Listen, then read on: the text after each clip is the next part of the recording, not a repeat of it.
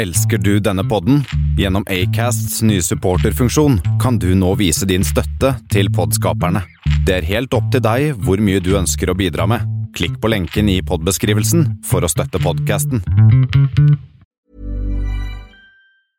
There's never been a faster or easier way to start your weight loss journey than with.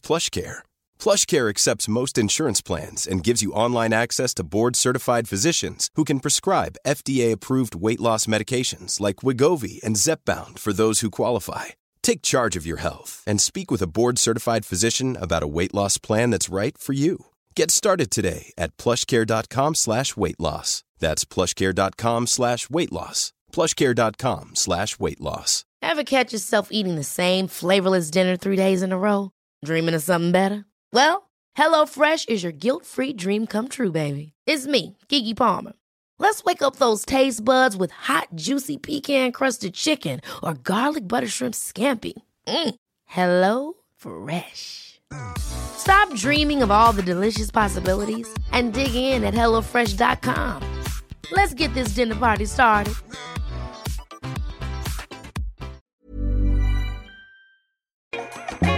Hei, mitt navn er Håvard Razan og velkommen til Ikke sant.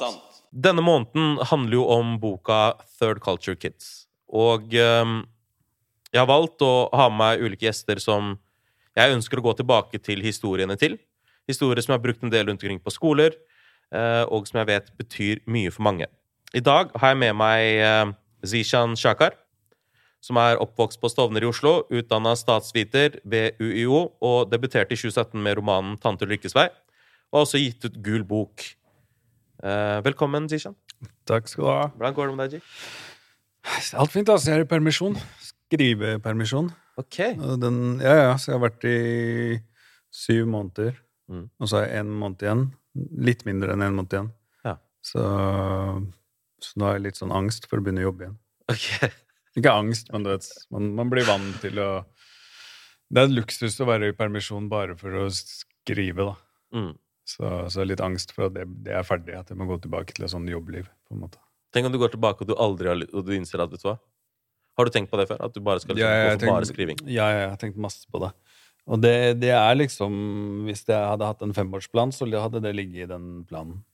Ja. Men det er jo støtt, sånn er livet. Det har noen økonomiske sider, og det har noen Mm. sosiale sider, og det, det er liksom ting med det. Men, men på sånn lang sikt Inshallah, jeg håper det. Mm, absolutt.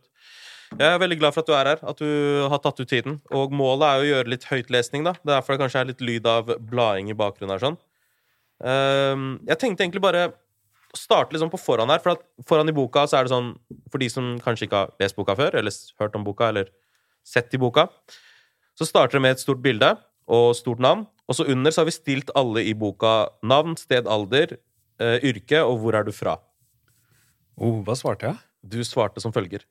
Faren min sier vi stammer fra Alexander den store, fra da hæren hans strakk seg fra Europa til India. Moren min sier vi er en blanding av skandinaver, finner, kvener og tatere. Jeg sier jeg er fra Oslo. Det var on point. Det var jævlig on point. Vet du hvor on on point. point det var?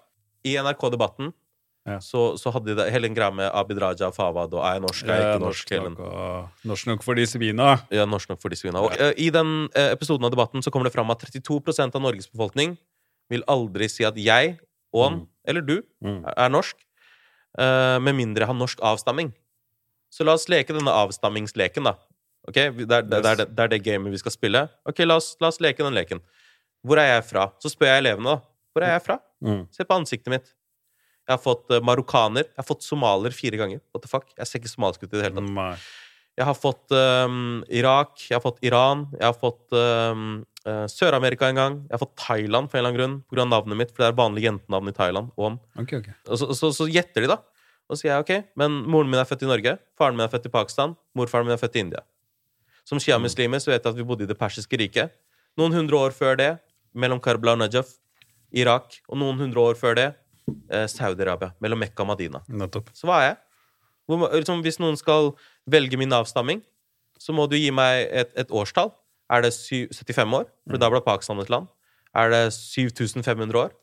Er det 750 000 år? Hvor langt tilbake skal jeg gå? Går jeg så langt tilbake at det bare er aborginere som kommer fra Australia? Mm. Liksom, hvis vi først skal leke denne leken her, da? Ja. Så la oss leke den helt ut. Så jeg er veldig, veldig glad i det svaret ditt. Det, det har gitt meg en Jeg tok faktisk, jeg tok faktisk en eh, sånn DNA-test.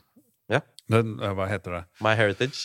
Det var My Heritage. Det var noen år siden da, så tok jeg en DNA-test. Og det, det som var morsomt, eller morsomt og morsomt, faren min ble veldig glad, da, for han har jo den historien om at vi kom liksom ja, fra type det som er sånn Tyrkia-ish, og bevegde seg nedover da, mot det som da ble India, Mm. og så Pakistan. Og den DNA-testen viser jo det. Fikk masse utslag på Tyrkia, jeg fikk utslag på Iran, jeg fikk utslag på Afghanistan, jeg fikk utslag på Pakistan-India. Oh, ja. Men jeg fikk også utslag på 54% europeisk. 54? 54 vil si, altså Da er det tydeligvis 4 der, da, for moren min er liksom født i Norge.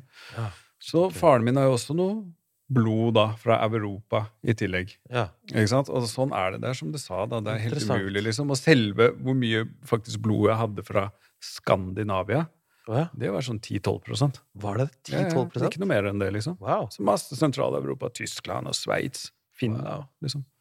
Men eh, sånn som moren din er etnisk norsk? Ja, åpenbart ikke, da. Hvis man tenker på etnisk Ja, norsk som sånn, en sånn ja. Ikke sant? Og der er du inni den greia. Men hun er jo på en måte ja, norsk, norsk født i Norge Mm. av hvite nordmenn, da. Mm, mm. Men med Jeg bare så på, Hun fant en sånn gammel videofilm, og de har ikke snakka mye om det her i familien. Og så så jeg på masse av de slektningene, så alle hadde liksom svart hår. Ja.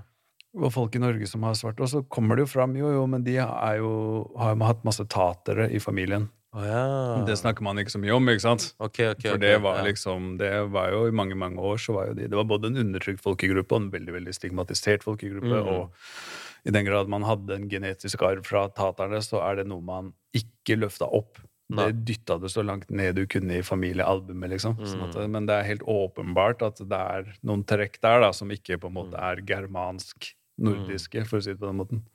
Og det interessante med disse My Heritage-hestene er at de går 200 år tilbake i tid, bare.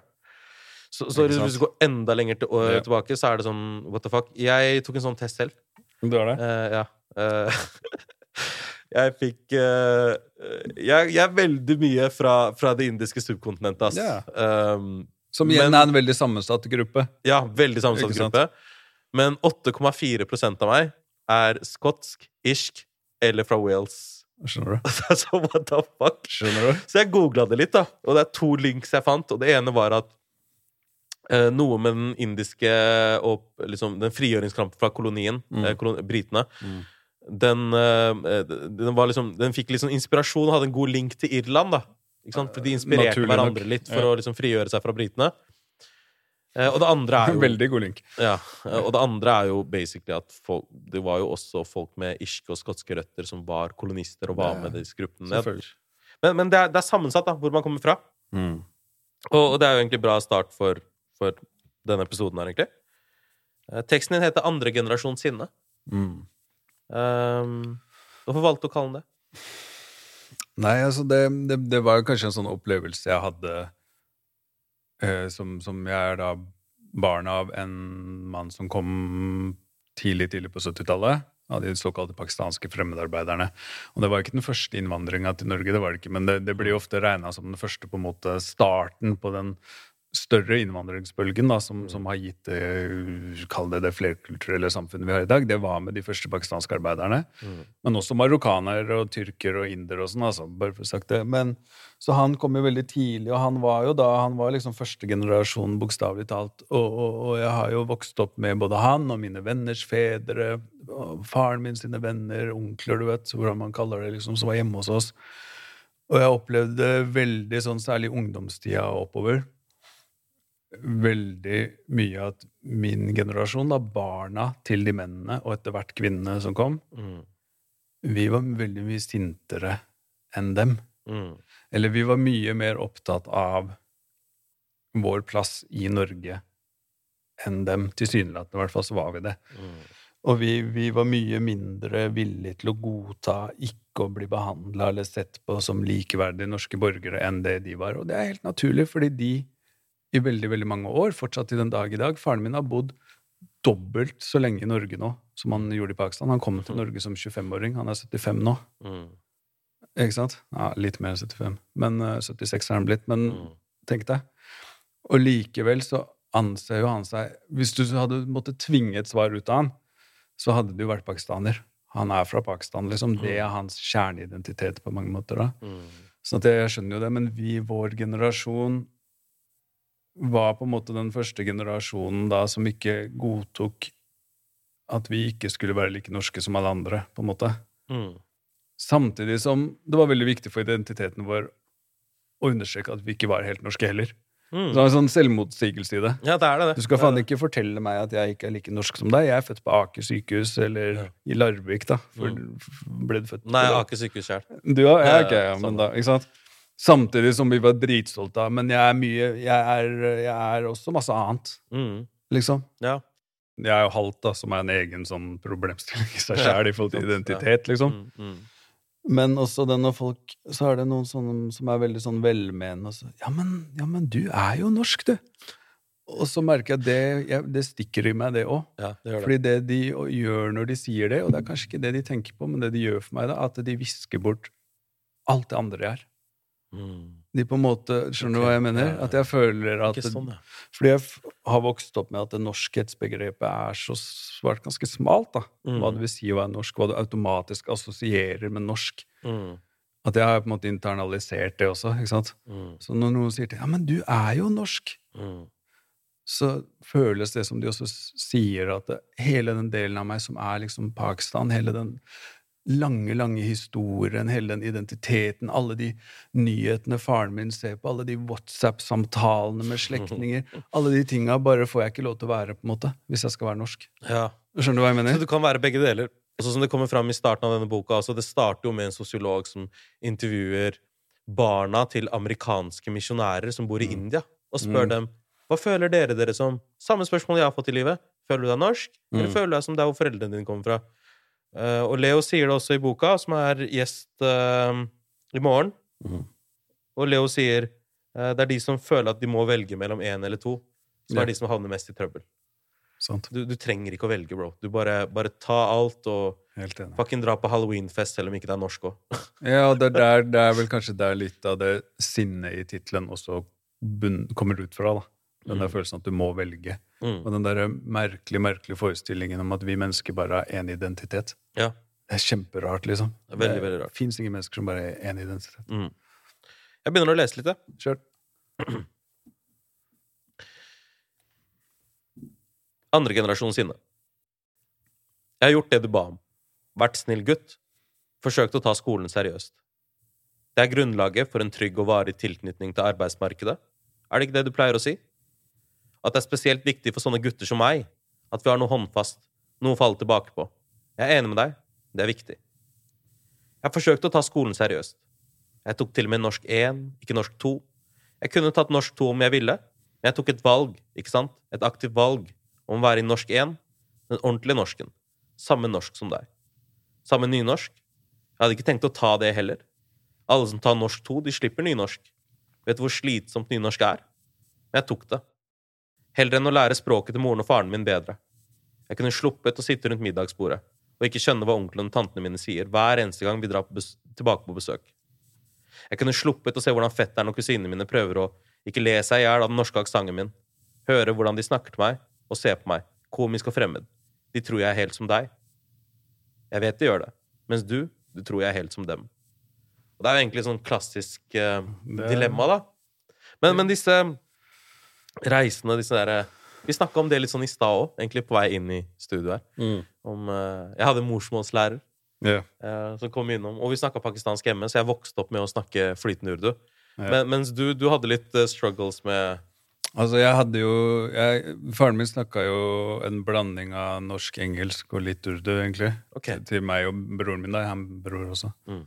Um, men da vi begynte på barneskolen, og det var jo på den tiden det fortsatt var morsmålsundervisning på skolene, som du sa. Mm. Så da husker jeg vi hadde urdu. Eneste issuen er jo at i den urdu-klassen så er det jo bare helt pakistanske barn, og alle de kan jo urdu muntlig. Mm. Sånn at all undervisninga foregår på urdu muntlig. Mm. Og det er veldig vanskelig for meg og broren min da mm. å følge med på den undervisningen, husker jeg. Så det var sånn frustrerende. Jeg husker han urdu-læreren sa sånn Nei, De er kjempeflinke til å ha lært seg alfabetet, på, altså arabisk alfabetet man bruker på urdu, og, mm. og, til å skrive ordene og sånn. Mm. Men de aner jo ikke hva jeg sier når jeg snakker til dem. Ikke sant? Og, det, og da begynte jeg sånn hjemmeundervisning med faren min og sånn istedenfor. Og det var jo, som jeg sa til deg, da, faren min er veldig mange ting, men han er ikke noen storpedagog. Han, han, han har litt å gå på på pedagogikken. Altså. Ja. Så han var, kjørte veldig, ja, var veldig opptatt av uttale og sånne ting. Liksom. Så, så Nei, sånn at til en dag i dag så er urden min dårlig. Mm. Og det er jo en sånn ting som jeg liksom har tenkt på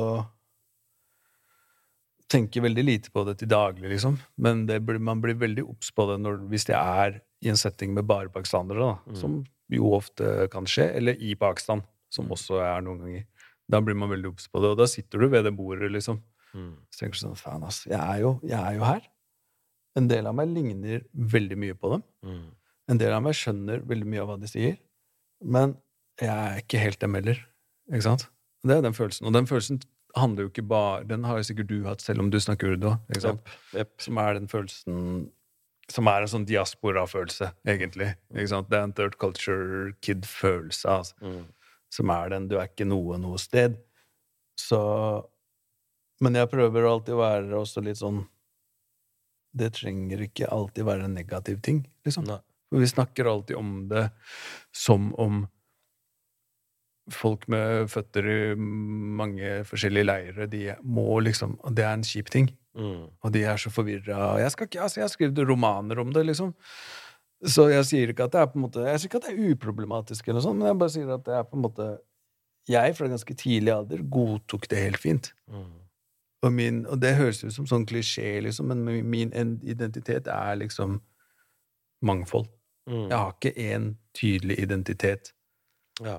Hvis du, eller som knytta, til et Ja. land. Jeg har en veldig tydelig, jeg vet godt hvem jeg er, på en måte sånn, men jeg har ikke en tydelig identitet. Det er ikke viktig for meg at jeg må være norsk-norsk eller liksom pakistaner-pakistaner. liksom. Det er ikke så farlig for meg. altså. Jeg har alltid tenkt at jeg er mer norsk to enn norsk. N Ikke sant? Og det jeg skulle si, da Jeg hadde mer til felles med folk som var minoriteter.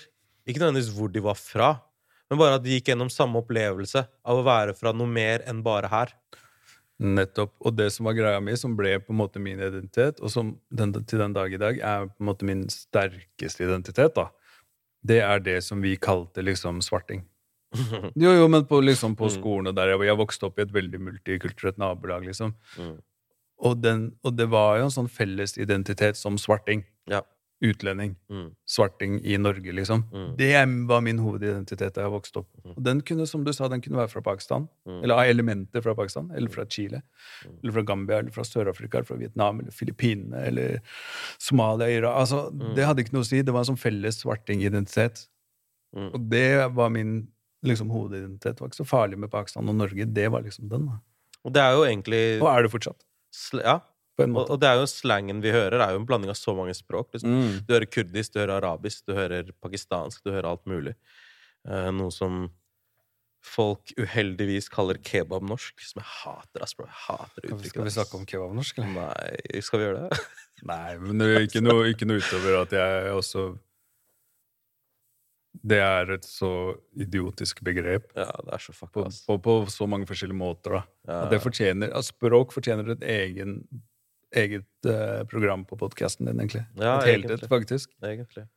Jeg jeg tenkte på det, og uh, um, jeg inviterte Språkrådet Ja, til å komme hit og finne på et nytt begrep sammen med meg. De, det. de hadde ikke tid. Nei, men du vet hva som er på en måte norsklærer-begrepet for kebabnorsk, da? Det er multietnolekt. Er det det? Ja, ok. Men Anyways, vi går videre i, teksten. ja. Vi sporer kjapt. Skal vi se um, De tror jeg er helt som deg. Jeg vet de gjør det, men du, du tror jeg er helt som dem. Men nei, jeg brydde meg ikke om det. Jeg tok nynorsk. Jeg tok all norsken jeg kunne få. For det er viktig for gutter som meg med så mye som mulig norsk. Det er bare Det er ikke nok likevel. Du er ikke fornøyd med meg. Jeg merker det. Du virker skuffa. Irritert. Jeg vet jeg kunne gjort det bedre på skolen. Jeg vet det. Men skolen var ikke helt for meg. Jeg forsøkte. Jeg gjorde seriøst det. Jeg er bare ikke så flink. Ikke alle er flinke. Ikke alle får til alt, ikke sant? Det vet du også, når du tenker deg om. Du vet at det er mye du ikke er flink til. Du heller. Det er ikke bare jeg som ikke er flink, men du glemmer det når du snakker om meg. Når jeg feiler, da har alle guttene som meg feilet. Og vi har alle feilet. Men når du feiler, da er det bare deg, og det er alltid alt annet enn deg som har feil. Det er når du snakker sånn Fy faen. Har du opplevd det? Ja. Hvor, hvor stammer denne, dette, Det stammer fra en sånn veldig frustrerende opplevelse Ikke én opplevelse, en, en hel opplevelse av en hel oppvekst og en hel offentlighet som er veldig, veldig ivrig på å generalisere når folk fra enten Groruddalen, der jeg vokste opp, med, med en flerkulturell bakgrunn, feiler, da, på en eller annen måte. Ikke sant? Så, så, så er man veldig rask til å generalisere det, mens når du ser de samme feilene gjøres i storsamfunnet eller av majoritetsbefolkningen, så forklares det med individuelle faktorer. Da er det ikke på en måte da er det ikke på en måte noe som gjelder hele communityen. Da er det på en måte individet som har feila. Mens når vi, da, hvis jeg kan si vi sånn sett, feila, så var det på en måte så var det trekk ved communityen som gjorde det. Mm. Ikke sant? Så det, det, er på en måte Man individualiserer egne feil, og så generaliserer man de andre sine feil. på en måte. Det føler, føler du ikke du kjenner igjen det? Fra alt fra liksom om det gjelder terror, da, Ja, ja, ja. eller kriminalitet, eller rusbruk, eller whatever, whatever, whatever, liksom. Mm. Så, så, så var det sånn og, og er det litt fortsatt, eller? Ja, jeg tror det. Jeg føler det. Og så det er et pakistansk uttrykk eh, som er eh, Jeg kan si det på urdu først. Eh, Tera kutta kutta, mera kutta Tommy. Og det betyr egentlig 'din hund er hund', Ja. 'min hund er Tommy'. Og Tommy er vanlig sånn kallenavn for en hund, i, Mm. som kjælenavn, da. For en hund i Pakistan er liksom, Det er kjent for en eller annen weird grunn å kalle hunden sin for Tommy. Eh, Men for å forklare det på liksom, oversette liksom, betydningen nå, så er det sånn Hunden min er kjæledyr, din hund er villdyr. Hvis du skjønner? Og, ja. og det er litt sånn man, man peker på andre. Det er veldig vanskelig å se feil med seg selv og, og sine barn og, Mm. og, og sin kultur. Jo, men det? Og det stammer jo fra en sånn greie med at man Det, det her er jo forska på, i, både, både gjennom psykologi og samfunnsforskning, og sånn, at man ser jo på sin egen gruppe i mye større grad som individer. Mm. Der ser man nyansene på en helt annen måte. Mens når du ser utover på andre grupper, om det er en annen i Pakistan, en annen folkegruppe eller en annen kaste, til og med, eller whatever, liksom, Mm. så ser du ikke individene på samme måte som når du ser på deg selv. Da ser Ja. du på deg selv som unik, og de rundt deg som unike, liksom. Og da er det mye lettere for deg å forklare ja, men det er ikke alle hos meg som er sånn, det var bare han er like Ja, ja, liksom, eller hun er sånn og sånn. Mens med de andre, og det skyldes dem, liksom. Skjønner du? Det er kjernen til hvorfor jeg lagde denne boka. Altså, Det er jo 29 mennesker. Det er, man kan jo si at alt er anekdotisk, eller alt er bare historier. Eh, men det er det jeg vokste opp med å gjøre. Gi alibier. Ok, hvis alle pakistanere er sånn, hva om fetteren min skal bli Mm. Kjedelig, altså. advokat, da? Ja. Det er det han er så sint for, han karakteren. Ja, Eller det er det han, som han sier liksom, Det er når du begynner å snakke sånn, fy faen, Mm. da orker jeg ikke mer, liksom. Mm. Og for å forklare det videre Så når du bruker alle navnene dine på meg, og ingen av dem ligner ditt, hele tiden skal du legge på noe når du snakker om meg. Som om du og jeg ikke kan dele navn. Du skal liksom ha det for deg selv. Du er ganske ego, vet du det? Du holder så mye tilbake. Du gjør det. Kan du ikke bare innrømme det istedenfor å ljuge om like muligheter? Hvorfor tror du gutter som meg sover med stein under puta og bensinkanner under senga? Det er for at du holder ting tilbake for oss. Du holder så mye for deg selv. Du holder deg for deg selv. Gutter som meg, vi vil ha det du har. Sånn er det. Jeg vil ha jobben din, Audi SUV-en du kjører. Jeg vil ha en Tag Hour, og får jeg ikke det, da skaffer jeg meg en Sig Sour.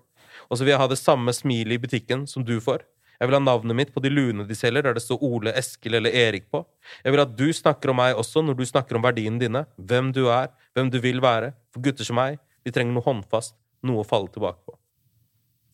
Det er et veldig sterkt behov da, for denne karakteren der. Og jeg tror for ganske mange også.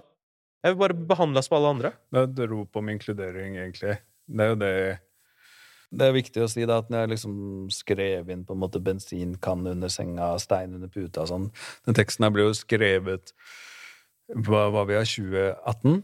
2019. 19 var vi. Og det var på en tid hvor det var veldig mye sånn bilbranner rundt om i Groruddalen og Søndre Nordstrand og sånn, husker du det? Mm, og steinkasting og, og, og de greiene. Så det var litt sånn Så det er jo et rop om å Det er et rop om å bli inkludert på sine egne premisser. Mm.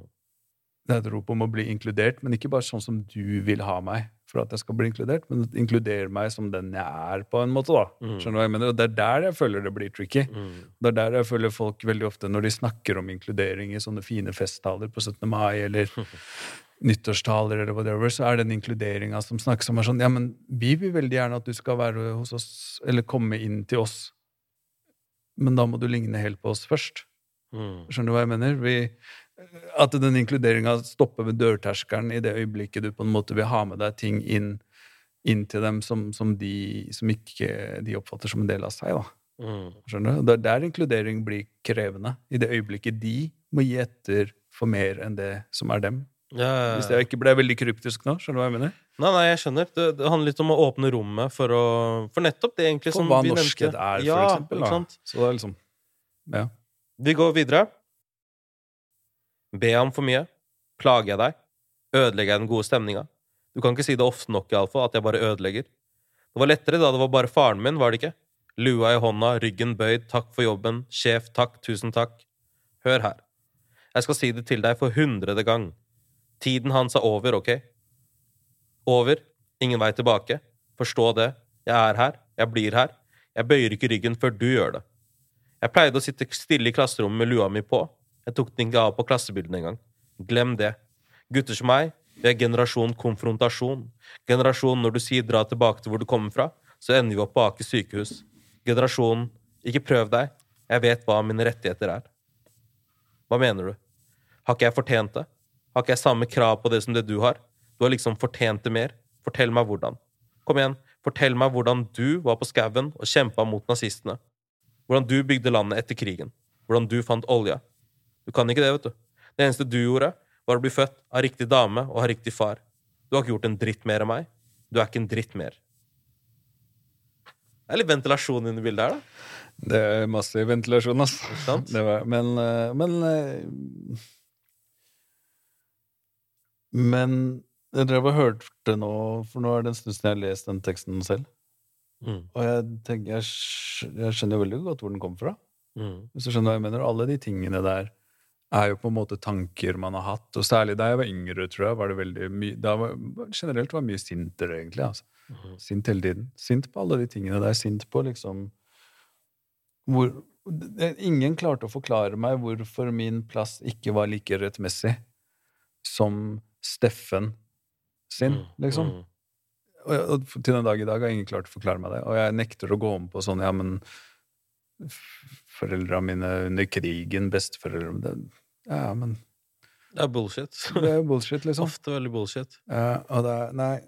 Uh, men hvis man skal flippe det litt, så kan man jo si at den den, den diskusjonen har forandra seg veldig veldig mye de siste 10-15 årene, kanskje. da. Mm. Hvordan da, tenker du? Eller kanskje ikke selve diskusjonen, men, men antallet stemmer som utfordrer, på en måte, mm. har mangedobla seg. Ja, det har jo det. det som kommer med sine måte, perspektiver, og som, som forhåpentlig på et eller annet nivå utvider den trange norskhetsrammen. da mm. i forhold til da vi vokste opp. Jeg er litt eldre enn deg, så da mm. var det jo liksom enda Men da du vokste opp sikkert også, så var det jo sånn Det var jo veldig få. Du kunne telle på én hånd. Mm. Hvem som var de offentlige svartingene, liksom. Ja, det var jo det. Jo, jo, men det var jo de samme, liksom. Og du så ikke opp til noen av dem? Nei, jeg kan ikke huske Ikke, ikke no offense mot noen av dem, altså, men jeg kan ikke huske noen av de som jeg på en måte Selvfølgelig, det har vært Trailblazers som har gått gått veier og kjempa kamper og sånn. Ja, de var også, Misforstå meg rett, de var jo viktige, men som en kid du, du, ser mer opp til rapper, og du ser mer ja, opp til populærkultur. Ja, og, og, altså. og, det gjør det liksom det, Ja, det er viktig med, med, hva skal jeg si, folk som er spaltister, og folk som er der ute, og de er mye mer synlige nå med sosiale medier, men La oss dra det back in the days, da, ikke sant? og aviser, og, og hvem er det som leser spalter? I hvert fall ikke 13 år gamle meg. ikke Jeg, jeg, ser på The Voice, og jeg, jeg, ser på Madcon være på TV og bare være seg selv. Og jeg ser uh, eh, på et tidspunkt. ikke Jeg, jeg, ser mm. Jeg fikk jo mangfold og representasjon gjennom de tingene. Jeg pleide å skinne meg selv mm. i en alder av 13 år. Ok? For at uh, rapperne jeg så opp til, det var enten cornrows, eller så var de skinna som Topak. Så jeg tenkte det er den nærmeste måten for meg å ligne på dem på. Ja, for, det... for, jeg hadde jo ikke noe, interessert i Hva skal jeg si eh, Jeg vet ikke hvem som var poppis da, jeg, men jeg kommer ikke på noen gamle navn. Men, men du skjønner mener? At disse politikerne som var tidlig ute og, og, bygde veier og sånn. Og det er viktig for de som kanskje jobber innenfor det i dag. Um, kanskje litt mer Du studerte jo statsvitenskap. Ja, men da jeg begynt å bli litt eldre. Før det så var jeg helt, helt sånn som deg. Altså, mine, ja. mine liksom rollemodeller, de som snakka best om et liv som ligna mitt, var på en måte rappere. Ja, ja. Og det kunne vi snakka masse om, altså. Men, men, men, det er jo en grunn til at den rappkulturen ble så stor i, i, i blant kids med flerkulturell bakgrunn. Det er jo ikke tilfeldig, liksom. Det er jo en gjenkjennelse. Det er jo et mm. behov for å fortalt historier og føle seg anerkjent. Mm. Ok, mine historier, alle mine opplevelser, de fins der ute i offentligheten endelig, liksom. For det gjorde de ikke. Mm. De var ikke noe sted. Og, og, det har de først kommet de siste fire-fem årene, sånn ordentlig, liksom. At de har mm. kommet i bøker, på teaterscener, i film, ja. i, på TV. Musikk ja. har de vært en stund, det kan sies. Men utenom det, liksom. Ja, det var en av grunnene til at jeg Det hadde vært en helt naturlig grunn for meg å bare stå side om side Arif og bare fortsette å rappe. Ja. Det har vært helt fint. Og før eller siden så har jeg kommet på en låt som var god nok for P3. Ja. Men, ja. et eller annet, da. Men eh, på den tiden så tenkte jeg hvor mange svartinger er det som skriver rapptekster og vil bli som rapperne, og hvor mange er det som skriver bøker, manuser, kommer på teaterscenene, mm, mm. som tar posisjonen innenfor det. Og på den tida også så fikk jeg en bok som het 'Afrikanere i Norge i 400 år'. Ja, ja. Hvis du har hørt om det. Jeg vet ikke om den finnes noe sted. Eneste måten jeg fikk kjøpt den på, er at jeg møtte på forfatteren i T-banen. Ja. Uh, og jeg hadde mista den, eller jeg vet faen hva som skjedde med den, så jeg kjøpte den igjen. For at ja. jeg sa til han bare 'Bro, jeg finner ikke tak i boka di lenger'. Og så drar han ut en kopi fra sekken sin, og han bare 'Du kan kjøpe den nå.' Jeg bare 'Eit'. Okay. Fett, jeg cool. kjøper den. Men i den boka så er det sånn Du ser jo sånn derre uh, De har en sånn del der de snakker om uh, somalske karavaner yeah. som, som kommer til Norge, og de har alltid sluppet svartinger på scenen til å underholde dem. Mm. Skjønner du hva jeg mener? Det har alltid vært greit. Mm. Men innenfor litteratur og disse andre tingene, det er nyere. Det er mye nyere. Mye nyere, Og romanen er jo også en vestlig oppfinnelse. Eller jeg vet ikke om det er riktig å si, ass, men det er de som altså, Det formatet som Det formatet og sånn Det er det kan... de legger til det, i hvert fall. Sånn, det, det... Jeg vet ikke om vi går dypt inn i litteraturteori her, men Nei, men det, nei, vi trenger ikke gjøre det. Men det er, det er jo interessant, og det vet jo alle som har på en måte stifta bekjentskap med kulturuttrykk fra andre deler av verden. Da. Litteratur, ikke minst. Mm. Selv om jeg har lest jeg leser, har stort sett lest oversatt. Men det er jo i Pakistan eller i, i det større Midtøsten og sånn, for eksempel, så er det en helt annen måte å bruke språket på. Mm. Det er det. Eh, det er mye vanligere med det som i Norge vi oppfatter som veldig sånn svulstig. Mm. Ikke sant? Mm. Mye, mye vanligere der. Mm. Sånn at det, det som jeg veit mange har opplevd, er at de kommer til norske forlag, mm. og så har de et sånn type språk, mm. og så sender de det, og så leser det norske forlaget det, mm. og så er det sånn Ja, men det funker jo ikke her. Nei, ikke sant. Det er en sånn, det er, skjer jo med mange. Det, det er et, egentlig et sånn ode til mine egne røtter, og, og, og, Nå vet jeg ikke om dette blir noe av, men jeg bare putter det on, ja. on air for det. Um, ikke da dette er live, men Neste bok er jo i teorien en diktbok, og det er jo egentlig en, en, en ode til hva jeg vokste opp med av litteratur. Og det er jo egentlig dikt. Det er mm. poesi det går i. Jeg leser Som er eh, sykt stort i, liksom, i ja. Pakistan. Ja, ja. På urdu kanskje spesielt. Og gamle Persia, ikke minst. Eller blant persiske Urdu er jo poesiens språk. Yes. Er det de sier. Ok, jeg leser siste del, jeg. Gjør det. Så kan vi drøfte litt uh, helheten. Ok, så det siste jeg leste, var Du er ikke en dritt mer. Faen. Jeg skulle ikke bli sint. Jeg har lært hvordan det fungerer for gutter som meg. Når jeg blir sint, da snakker du bare om at jeg er sint. Du hører ikke etter hva jeg, hva jeg sier. Eller bryr deg om hva jeg er sint for. Men hva skal jeg gjøre? Snakker jeg lavt og rolig? Da hører du ikke etter. Du vet ikke hvor mange ganger jeg har prøvd å snakke til deg, men du ignorerer meg. Du snakker heller med vennene dine. Du snakker med dem om meg til og med mens jeg er til stede.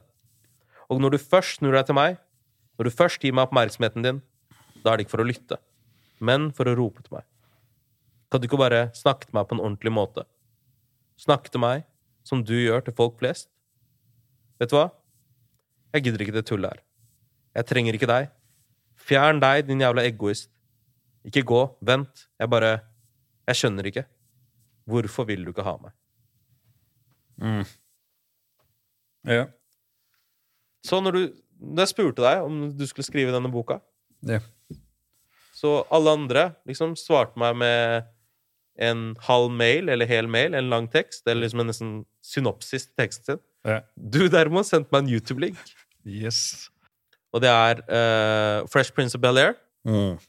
Uh, scenen er uh, Premisset til scenen er at Will Smith har ikke hatt faren sin i livet sitt. Mm. Han har vært fraværende, og så plutselig så kommer han inn i livet hans igjen. Mm. Og nå skal de på ferie sammen. Eller bli med han på jobb, basically. En hel sommer. Ja. eh, og tilbringe tid med faren sin, endelig. Og så, rett før Will Smith kommer inn i scenen, så tar faren og uh, sier til Uncle Phil, som er han som Will Smith bor hjemme hos, og, og sier at Bro, kan ikke du si til han at yo, jeg, jeg kan ikke, det passer ikke nå allikevel. Mm. Så jeg kommer ikke til å gjøre din dirty work. Mm. Akkurat det kommer Will Smith inn i, inn i scenen. Ja. Denne scenen her. Daddy out! What's up? Will, I'm glad you're here. Um, some business came up I gotta handle. So we're gonna have to put uh, our trip on hold. You understand? Yeah, yeah, that's that's cool. That's cool. Ju- Just for a couple of weeks. Mhm, I understand. Yeah. Maybe a little longer. Yeah, whatever, whatever. Look, I'll, I'll call you next week and we'll iron out the details. Okay? Yeah, yeah. It was great seeing you, son. You too, Lou.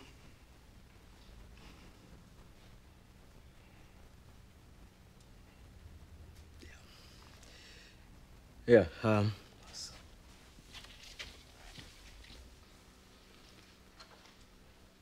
I'm sorry, Will.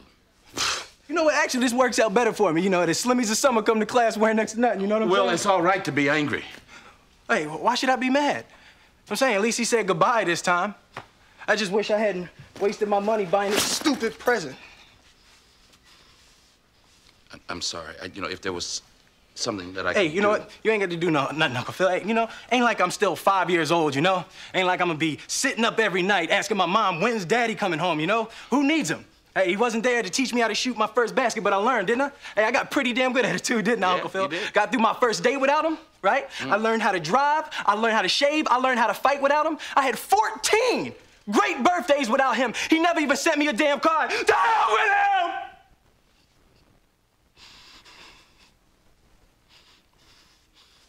I ain't need him then, and I don't need him now.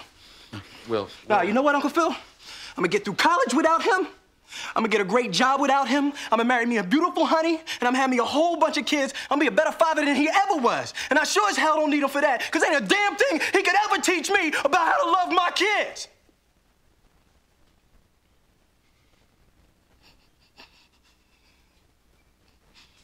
How come he don't want me, man?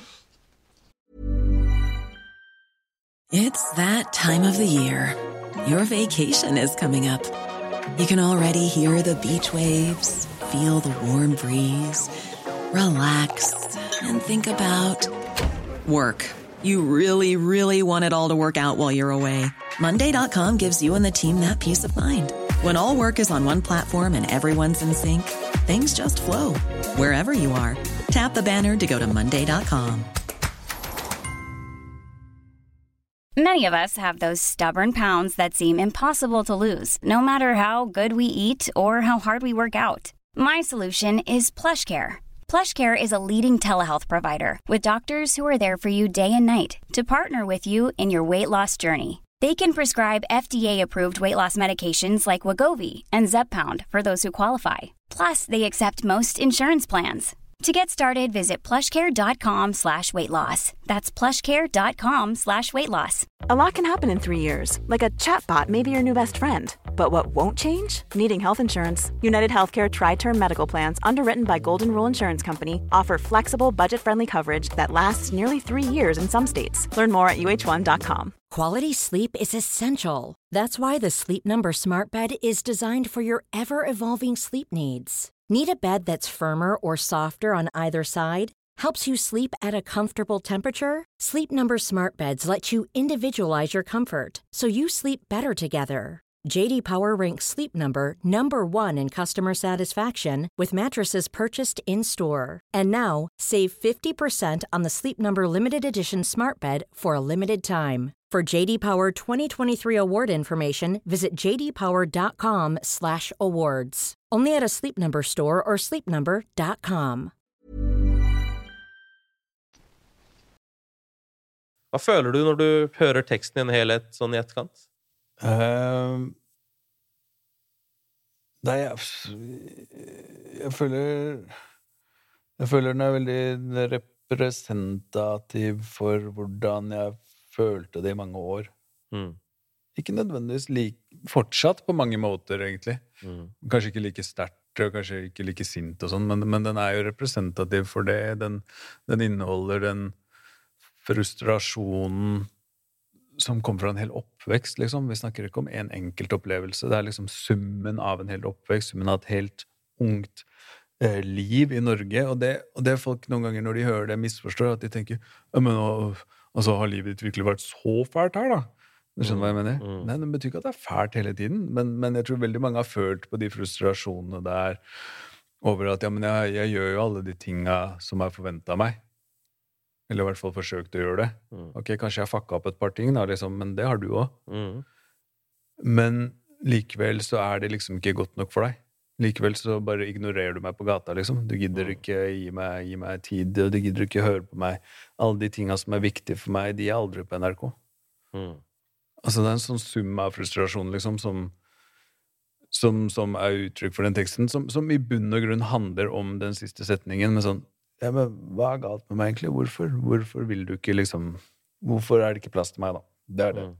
som er liksom Som, som er kjernen. Og, og, det er som du sier, ja, det er, det er, i det tilfellet her så er det relatert både til religiøs bakgrunn, for så vidt, eller flerkulturell bakgrunn, men det kan være andre settinger. Det kan være klasse, liksom. Mm. Det, kan være, det kan være andre ting òg, liksom. Men mm. uh, Men uh, ja. Det er en tekst om Det er, det er en, også en tekst om noen av mekanismene bak såkalt utenforskap, liksom. Mm. Utenforskap trenger ikke være så komplisert, altså. Nei. Det er ikke så komplisert i det hele tatt.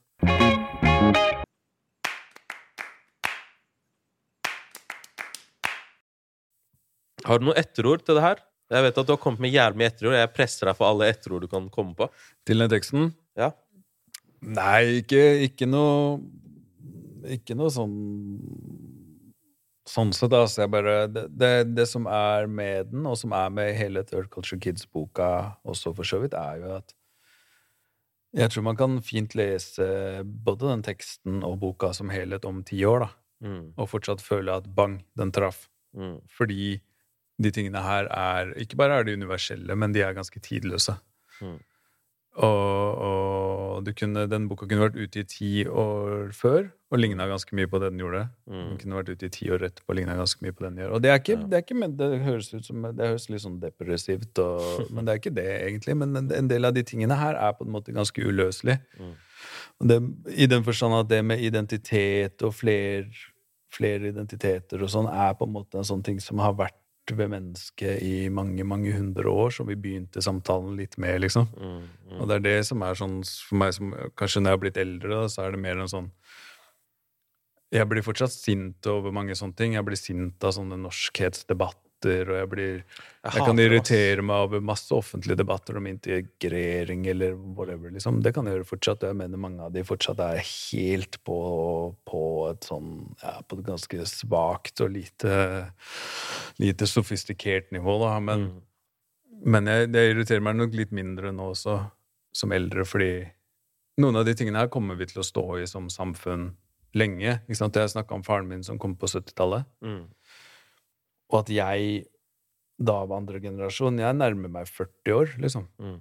Og det kommer folk den dag i dag som er første generasjon. Barna deres igjen vil være andre generasjon, mens mine barn vil fly rundt som tredje generasjon samtidig. Så det, det, all, det, ja. det er en miks som gjør at de tinga her kommer til å ligge der ja. i en eller annen form mm. i uoverskuelig framtid, liksom. Ja. Jeg uh, har nevnt dette et par ganger før og i, i, i podkasten, uh, eh, og det er at jeg føler jo at jeg er i sjukt bra selskap da de siste fem årene, liksom. Bare det, alt det som har kommet i det siste. Du merka det, du òg, eller? Altså, det føles som en sånn flodbølge flodbøl, i forhold til ja. hva som var, da. Mm, jeg mener fortsatt ikke at det kan være enda mer, men det, det føles som en sånn flodbølge-type ting. altså. Det gjør det. Jeg tror man har gått litt sånn derre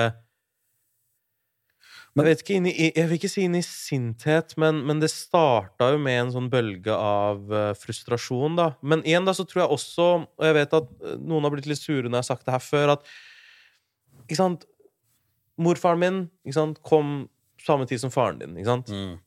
Og hva var fokuset deres? Det var å finne jobb. Yeah. Det var ikke å skrive bøker. Morfaren min var poet. Yeah. Han skrev, ikke, han skrev diktene sine i brev hjem til Mm. Pakistan. Han hadde ikke noe tenkt tenkt sånn der, Han tenkte ok, jeg må gå til Freia-fabrikken, jeg må jobbe der. Og så må jeg gå til Peppes, så må jeg jobbe der. Jeg må jobbe de to jobbene i dag. Han kommer ikke til å sitte på fritida si og sitte og skrive bøker.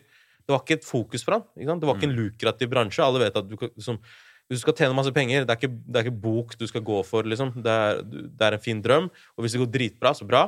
Men, men i utgangspunktet, gjennomsnittslønna er vel ganske mye lavere enn liksom, det du kan ha som journalist eller noe annet. da, skrivende. Ja. Eh, ta for moren min og eh, den generasjonen der, sånn, eller onkelen min, som også er med i denne boka. Mm. Snakker om gjenger og disse tingene. De var jo de første barna som sa sånn Vi har ikke bedt om å bli født der. Mm. Vi er like no, liksom, hvor er, Dra tilbake til hvor? Liksom, What the fuck er det du snakker om? De var de første som sa det liksom, i, av, av min slekt her, da. Og, og for det, Amelie, det var ikke noe fokus altså, Jeg føler at dette med litteratur og historiefortelling Det er liksom Det er litt privilegium inne i bildet. Nei, det kunne ikke vært mer enig med deg. og det er Ofte så ser man eksempel i land som har mye lenger Som har mye mye sterkere tradisjon for, for den type historier, som Storbritannia eller Frankrike og sånn. Ja, jo, men hvorfor det? Jo, men de har jo hatt den type flerkulturalitet mye lenger. Og det er som du sier, når liksom når den foreldregenerasjonen kom, og det gjelder de som kommer i dag, om de kommer som flyktninger og sånn, og den første generasjonen det, det, er alt, det er veldig mye forlangt at de både skal klare å deale med et helt nytt land og arbeidsliv og tusen og én ting, liksom, og samtidig, samtidig drive med historiefortelling, liksom. Og de i den generasjonen vil jo naturligvis være ganske konkret basert på sine egne erfaringer overfor neste generasjon. Derav doctor, engineer, liar, ikke sant? Mm, Det er det det har det. Jo, jo. Og så kanskje generasjonen etter det, da har du på en måte friheten og privilegiene til å begynne å kunne gjøre kunst. Mm. Ofte så vil jo rekkefølgen gå litt sånn. Så Ja. jeg er helt enig. Altså, det er den flodbølgen vi ser nå, føler jeg på en måte er en sånn I den grad det er en flodbølge, da. Ja. Men den er også resultatet av tid. Mm. Den er resultatet av, en, av generasjoner, på en måte. Så Jeg var i en eh, debatt, eh, eller debatt, panelsamtale, og skulle jeg lede samtalen. Hater å lede samtaler. Det er mye bedre å ha, gjest, enten ha en samtale med noen, Ja. eller være gjest. Er helt enig. Eh, Men sånn panelsamtale på en scene, og så har du 30 minutter, og så er det 50 stykker som skal prate. Igjen. Mm. Men der sa jeg en ting, og det var at alle kulturer forteller historier, men ikke alle kulturer skriver bøker. Nå. Og, og det å skrive bok og de ting Også for forlagene sin del, og det å Hva deres jobb er, da, hvis de skal være proaktive, noe jeg aldri oppfatta forlag som å være, egentlig. At de går ut og skal finne stemmer. Folk sender en manus, så er. De er veldig bakpå, liksom. Det er eh, Send oss et bra nok manus, så får vi se. Men så er det jo på en måte en etterspørselsside også, som er det norske publikum, som jeg tror egentlig har vært ganske mye klarere for mange av de historiene her enn det en del av de kommersielle, kommersielle aktørene har trodd at de er. da. Eller kulturinstitusjonene har trodd at de er. At man kan ta sjansen på mer enn det de tror. da, At de stoppes på en måte noen ganger av sin egen eh, snev... Hva heter det? Narrow-mindedhet. Eh, Ja. Uh, det, noe av det ligger der, men så ligger noe av det også sånn jeg opplevde som for eksempel altså, Sånn som etter det som skjedde med George Floyd og Black Lives Matter og sånn, ble en svær greie. Og så, alle veit jo, ikke sant, i, i hele verden for så vidt. altså. Det var sprøtt, fordi da Tante Riksvei kom ut i 2017, ikke sant, Mm. som er en bok som handler liksom handler om veldig mye, men den handler ganske mye om rasisme, egentlig. Mm. Både sånn direkte rasisme, blir stoppa på et utested, eller stoppa av politi, eller kalt sånn og sånn, men også mer sånn strukturell rasisme, systematisk rasisme. Hvordan man blir omtalt i mediene og den offentlige Altså i det hele tatt, da. Mm. Den boka kom ut, jeg gjorde masse intervjuer med ulike journalister og sånn, det var nesten ingen spørsmål om rasisme. Det var ikke det, nei. Nei, og så kommer 2020, og så gir jeg ut en ny bok som heter Gul bok, som egentlig er veldig, som handler mye mer om en sånn klassereise. Handler veldig lite om Eller i hvert fall mye mindre om rasisme og sånn. Mm. Men da den kom ut, hadde nettopp hele George Floyd-greiene skjedd. Alle journalistene spurte meg Ja. hva er din historie om rasisme. Det var det første de spurte meg om. Liksom. Og de desperat prøvde å vinkle ting i boka. Skjønner du hva jeg mener? Og det er sånn Jeg husker jeg satt der og tenkte sånn Ok, det er fint at dere er opptatt av det nå. Jeg kan på en måte ikke Ja. arrestere dere på det. Nei. Men den Men hvorfor er det Veldig, ikke sant? Det er det ene hvorfor, ja. og hvor bærekraftig er den interessen? Altså hvor langvarig kommer den interessen her til å være, liksom? Ja, ja, Så får vi se, da. Ja, får se, ass. Nå får vi se. Jeg satte jævlig pris på den samtalen her, ass. Jeg vet at vi har vært litt, uh, litt overalt, men det har vært en, uh, en, gjennomgående rød tråd, tror jeg, som på en måte basically tar for seg veldig mye av hva denne boka her egentlig handler om, hva som er hensikten med det hele. Mm. Um, målet er ikke å lage leksikon. Målet er å komme med noen vitnesbyrd, Uh, få folk til å føle noe når de leser det. Og ikke minst se at den ene historien er ikke to streker under svaret. Så, så din opplevelse er din, mm. og nå føler jeg at din opplevelse, eller din tekst, rommer veldig mye av hva som det gjennomgående temaet er. Men du har jo veldig spesifikke erfaringer her, da. Om du har Faten sin erfaring. Ja. Jeg har jo ikke den samme. Nei, nei. For hun er en kvinne med hijab som vokser opp i Norge, og det vil bære med seg andre ting, og så har du folk som ikke er nødvendigvis enige med hverandre. Om det er Galvan som sier Du kan ikke snakke om undertrykking hele tida, for det er også en form for undertrykking. Hvis du hele tiden sier at det er hardt å være svart, har du lyst til å gå ut og søke jobb? Ikke sant? Du kommer aldri til å få jobb, bro. Liksom, de, du fikk ikke jobb fordi de er rasister. Det også er et narrativ som ender opp med å skade oss til slutt. Vi isolerer oss selv. Eh, vi, vi får litt mindre lyst til å vilje inkludere oss også, og det må gå litt begge veier. Begge to må liksom strekke seg framover.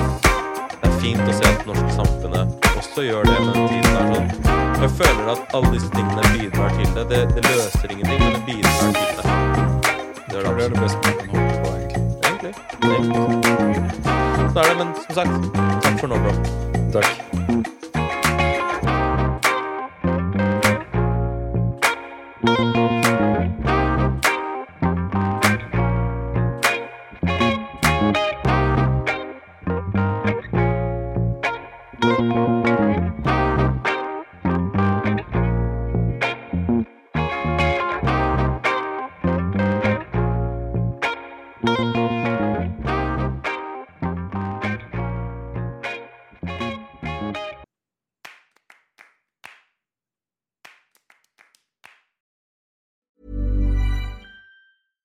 Ever catch yourself eating the same flavorless dinner three days in a row?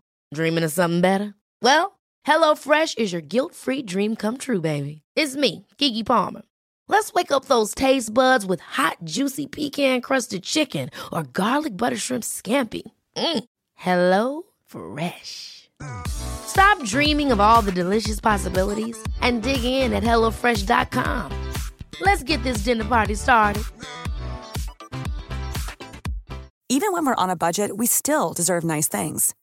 Quince is a place to scoop up stunning high-end goods for 50 to 80% less than similar brands.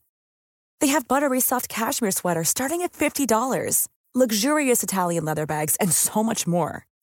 Plus, Quince only works with factories that use safe, ethical, and responsible manufacturing. Get the high-end goods you'll love without the high price tag with Quince. Go to quince.com/style for free shipping and 365-day returns.